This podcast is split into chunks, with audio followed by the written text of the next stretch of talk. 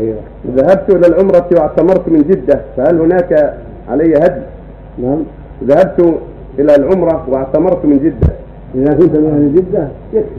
أما إذا كنت جئت من مكان آخر من الرياض أو من الطائف وأنت تقصد العمرة ولكن ما أحرمت إلا من جدة إذا جاوزت الميقات عليك دم عن صرف الميقات. إذا كنت جئت من مكان بعيد عن جدة مثل جئت من الطائف أو جئت من مثل آه، غابر من الغابر ولا أحرمت من الغابر وليس العمرة وأنت في غابر ولا ولا أحرمت منه. يكون عليك ذبيحة. تكبيرا لعمرتك وشرا لها. أما إذا كنت من جدة فلا بأس. أو كنت جئت جدة ما نويت شيء.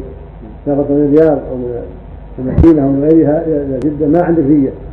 ما عندك نية عمرة. ما طرى عليك عمرة. فلما صرت في جدة طرى عليك أخيرا. وبدا لك أخيرا أن تعتمر فلا بأس. كان من جدة ولا شيء عليك. لأن ما عمرة إلا منها فلا بأس. فلعله ظاهر نعم.